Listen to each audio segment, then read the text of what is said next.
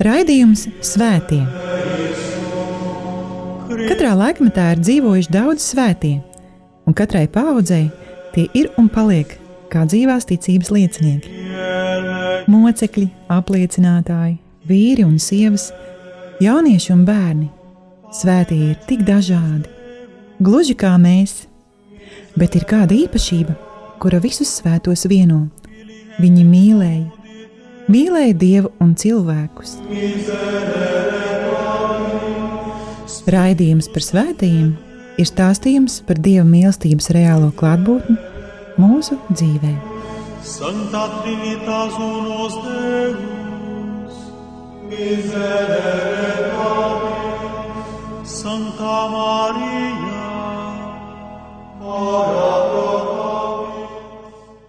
Lai ir slavēts Jēzus Kristus. Cienījami radījumi arī klausītāji, ētera skan raidījums par visiem svētajiem, un pie mikrofona esmu es, priesteris Viečeslavs. Esam iesākuši raidījumu ciklu, kurā satiekamies ar svētajiem, kurus kungs Dievs savā gādībā un žēlastībā dāvāja baznīcai, tas ir mums, pagājušajā 20. gadsimtā. Svēto ir ļoti daudz. Pagājušajā raidījumā satikāmies ar 14-gadīgu svēto mocekļu un jaunavu Mariju Goretti. Viņa dzīvoja un sniedza savu liecību par Kristu 20. gadsimta pašā pašā sākumā. Piedzima 1890. gadā un moceklis nāvē nomira 1902. gadā. Šis raidījums ir veltīts citai 20. gadsimta sākuma svētajai, itāļu mistikei Džemmai Galgāni. Viņa savukārt bija dzimusi 1878. gadā un nomira 1903. gadā. Par svēto džemmu turpmākajās minūtēs.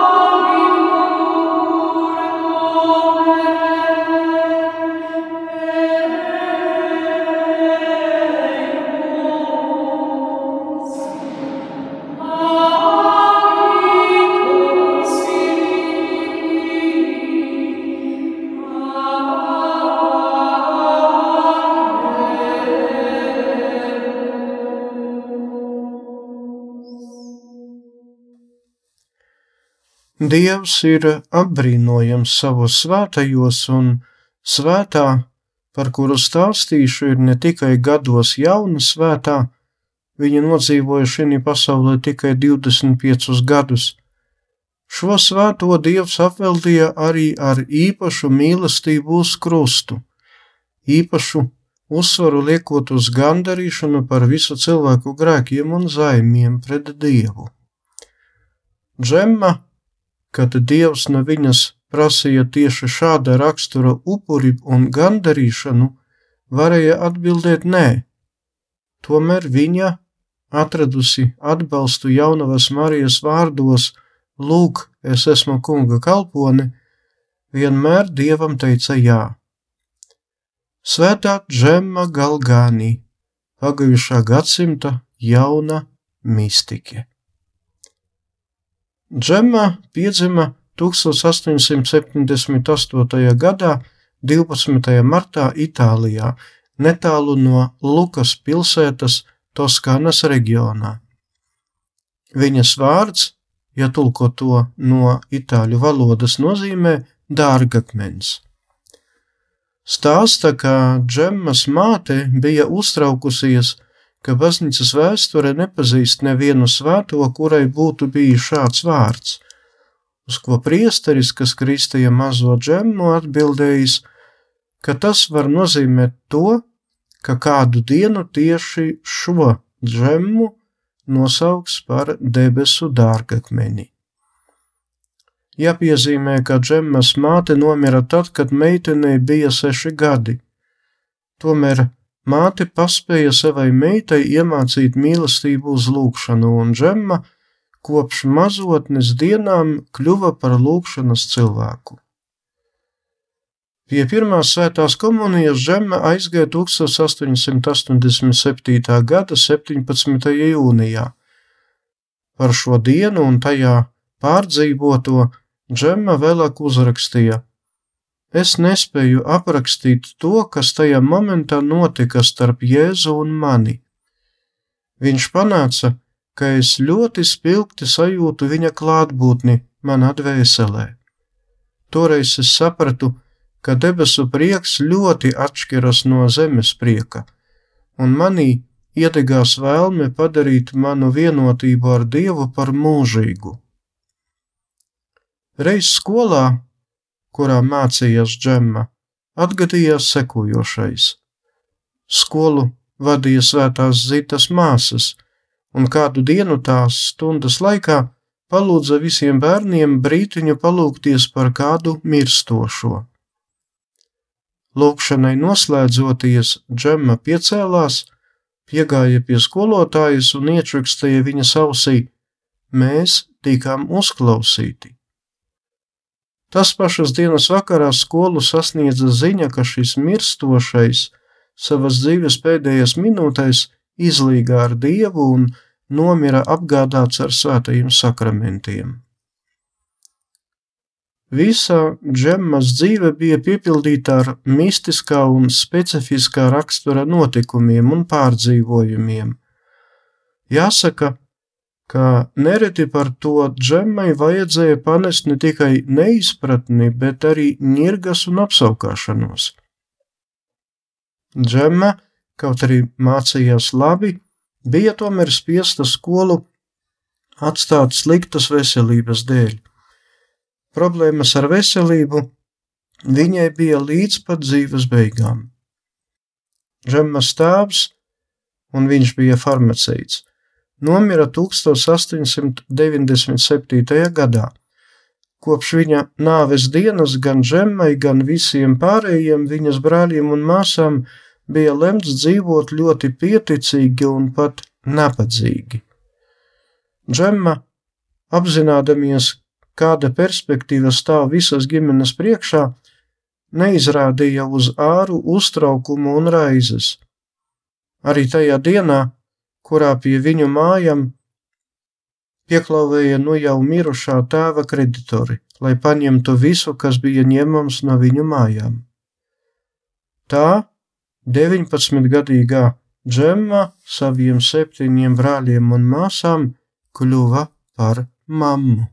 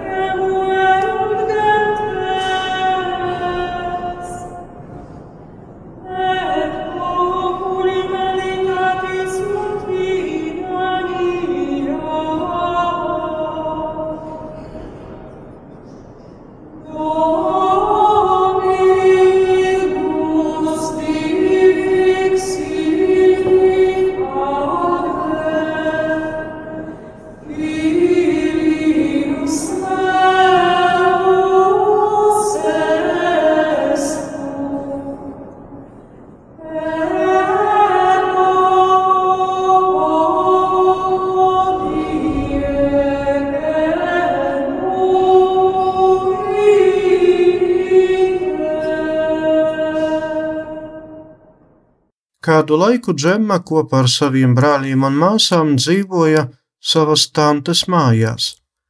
Viņa bija pateicīga par tantes un viņas vīra pat par vismazāko uzmanības un gādības izpausmi. Tantes nams vienmēr bija pilns ar viesiem, un tajā valdīja liela kņada. Pēc kāda laiciņa uzreiz divi jaunekļi apliecināja savu, savu gatavību precēt viņu. Tomēr Džemma abiem pieklājīgi atteica, un tā kā mīlēja vientulību, klusumu un lūkšanu, pārcēlās uz dzīvi atpakaļ uz savām dzimtajām mājām. Atgriezusies dzimtajā mājā, Džemma turpat kā uzreiz saslima ar meningitu. Pakāpeniski sāka zaudēt dzirdi, sāka izkrist mati, Vēlāk paralīze pārņēma gan rokas, gan kājas. Toreiz nekādu zāļu pret to visu nebija, un Džemma turpat veselu gadu bija spiesta pavadīt gultā. Džemmu vairāk sāpināja tas, ka viņa sagādā lielas problēmas visiem tiem, kuri viņu toreiz aprūpēja. Par Džemmas nelaimi, respektīvi par viņas veselības lielām problēmām, Izplatījās ziņas visā pilsētiņa ļoti ātri, un daudzi nāca pie viņas, lai kādu laiku pabūtu ar viņu, parunātos, mierinātu viņu, kopā palūgtos. Katru viņa apdāvināja ar smaidu un sirsnību. Cīnoties ar dažādiem vēlna kārdinājumiem, Džemma bieži piesauca toreiz vēl svētīgā Itālijas pasionistu muka Gabriela Posenti aizbildniecību. Šis svētīgais, kuru 1920. gadā iecēla svēto kārtā, Džemma ļoti bieži redzēja sapņos, kurās viņš solīja savu palīdzību, saucot Džemmu par māsu. Pateicoties šī svētā mūka aizbildniecībai, Džemma tika dziedināta. Viena no šī svētā mūka redzējumiem Džemma no viņa saņēma pasionistu zīmi ar krusta vainagoto sirdi, kurā uzrakstīts Jēzus ciešanas. Mistiskās sarunas laikā Džemma pateica svētīgajam, ka vēlās iestāties klosterī. Viņš ieteica viņai salikt tikai dievam kalpošanas solījumu un vairāk neko. Svētīgais Gabriels atklāja Džemmai, ka viņa, kaut arī dzīvošot kā mūkene, nekad nevienā klosterī neiestāsies. Un vēlāk, kad Džemma mēģināja iestāties klosterī, viņai, viņai atteica pārāk vājas veselības dēļ. 1899. gada 8. jūnijā Džemma piedzīvoja kaut ko neparastu un lielu. Viņa rakstīja: Tas bija ceturtdienas vakars. Es pēkšņi sajūtu dziļu, iekšēju nožēlu par saviem grēkiem, tik intensīvu, kādu līdz šim nebiju sajutusi. Es jūtu, ka vēlos tūlīt pat nomirt. Man šķita, ka Nekas cits mani neskar kā tikai mani grēki un tas, ar ko es apvainoju Dievu. Tad manas domas sakoncentrējas ap skumjām, mīlestību, bailēm, cerību, mierinājumu. Šajā mistiskā pār, pārdzīvojuma laikā Džemma ieraudzīja dievmāti, kura viņu ietina savā apmetnī. Tad parādījās pats Jēzus, kura brūces bija atvērtas, tomēr tās neasiņoja, bet no tām nāca gaismas stari. Šie stari pieskārās, rakstīja vēlāk džemma, manam rokām, kājām, sirdī. Es jūtu, ka mirstu, un ja ne dievmāte, kura atbalstīja mani, es pakristu. Tas ilga vairākas stundas. Beidzot, Marija man noskūpstīja pieri, un viss izzuda. Es sapratu, ka stāvu uz ceļiem. Manas rokas, kājas un sirds turpināja just sāpes.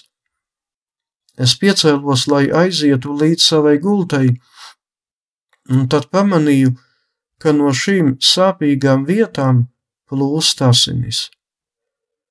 Es kā varēdama aprūpēju tās un, pateicoties savam sarkanģelim, ieliku savā gultā. Nākamajā dienā Džemma, kā parasti, devās uz baznīcu, lai piedalītos svētajā misē. Tad vienai no savām radiniecēm Džemma parādīja asiņojošās rētas un teica: Skaties, ko Jēzus man izdarīja!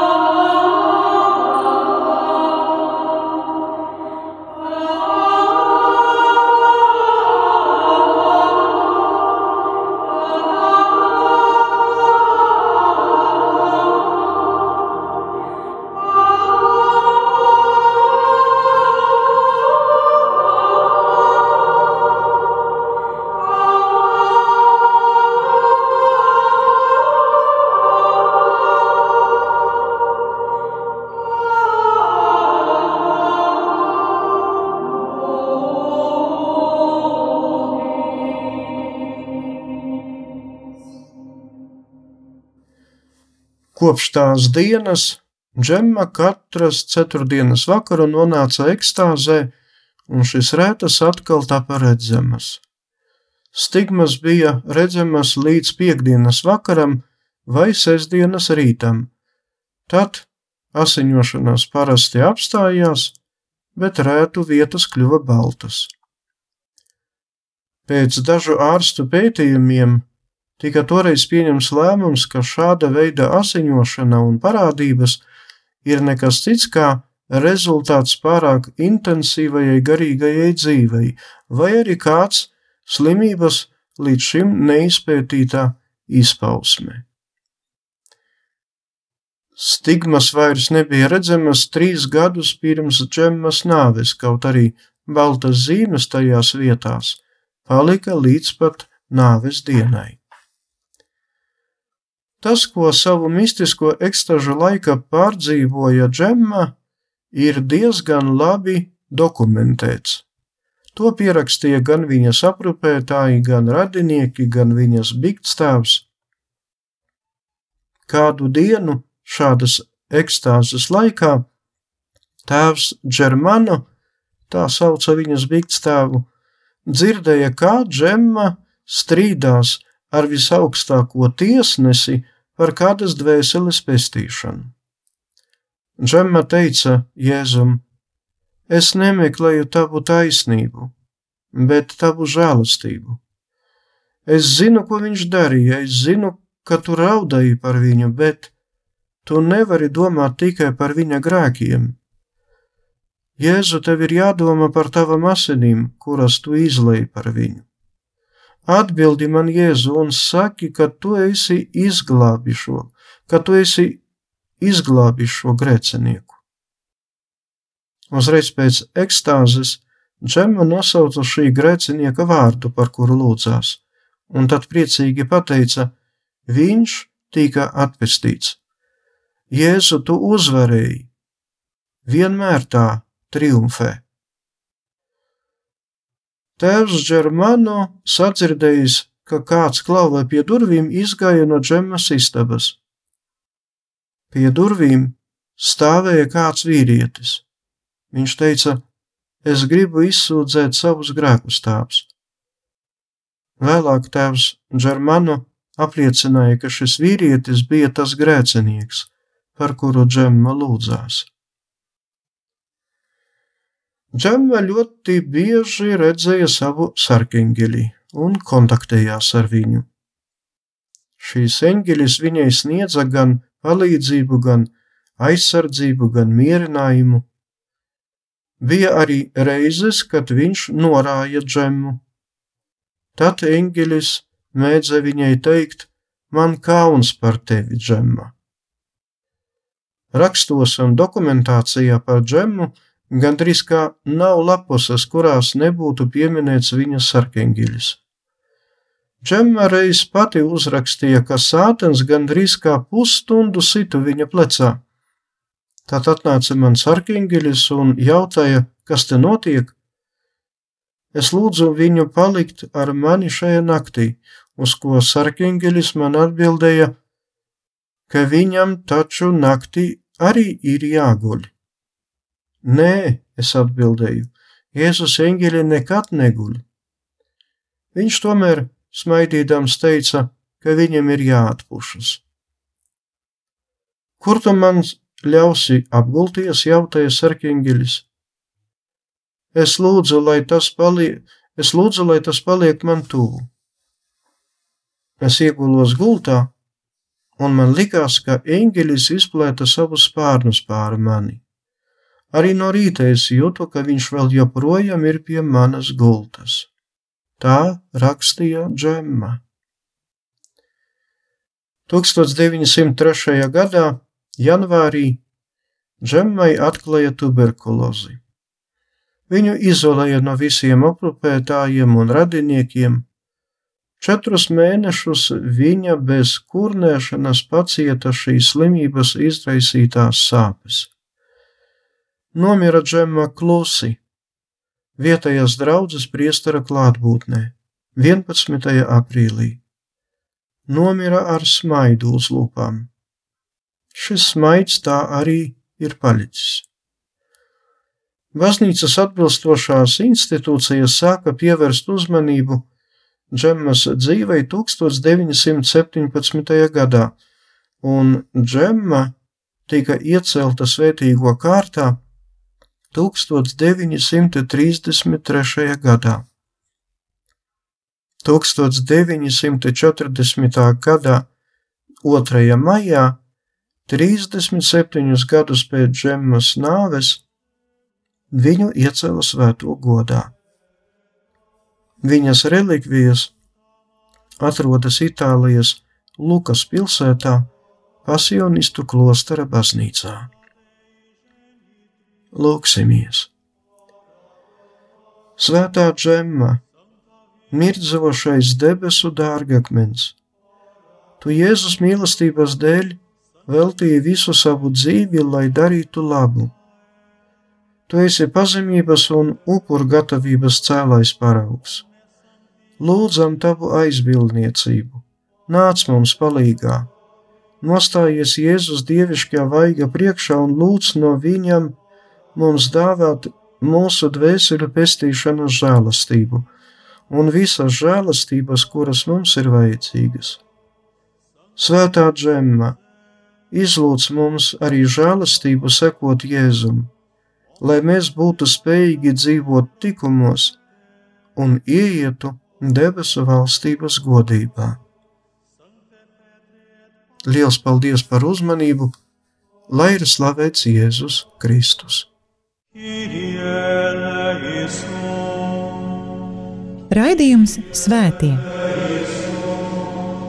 Katrā laikmetā ir dzīvojuši daudz svētie, un katrai paudzei tie ir un paliek kā dzīvās ticības liecinieki. Mocekļi, apliecinātāji, vīri un sievas, jaunieši un bērni. Svētie ir tik dažādi, gluži kā mēs, bet ir kāda īpašība, kura visus svētos vieno. Viņi mīlēja, mīlēja Dievu un cilvēkus. Raidījums par svētījumiem ir stāstījums par Dieva mīlestības reālo klātbūtni mūsu dzīvē. Santa Trinitas unos Deus, miserere Domini, Santa Maria, ora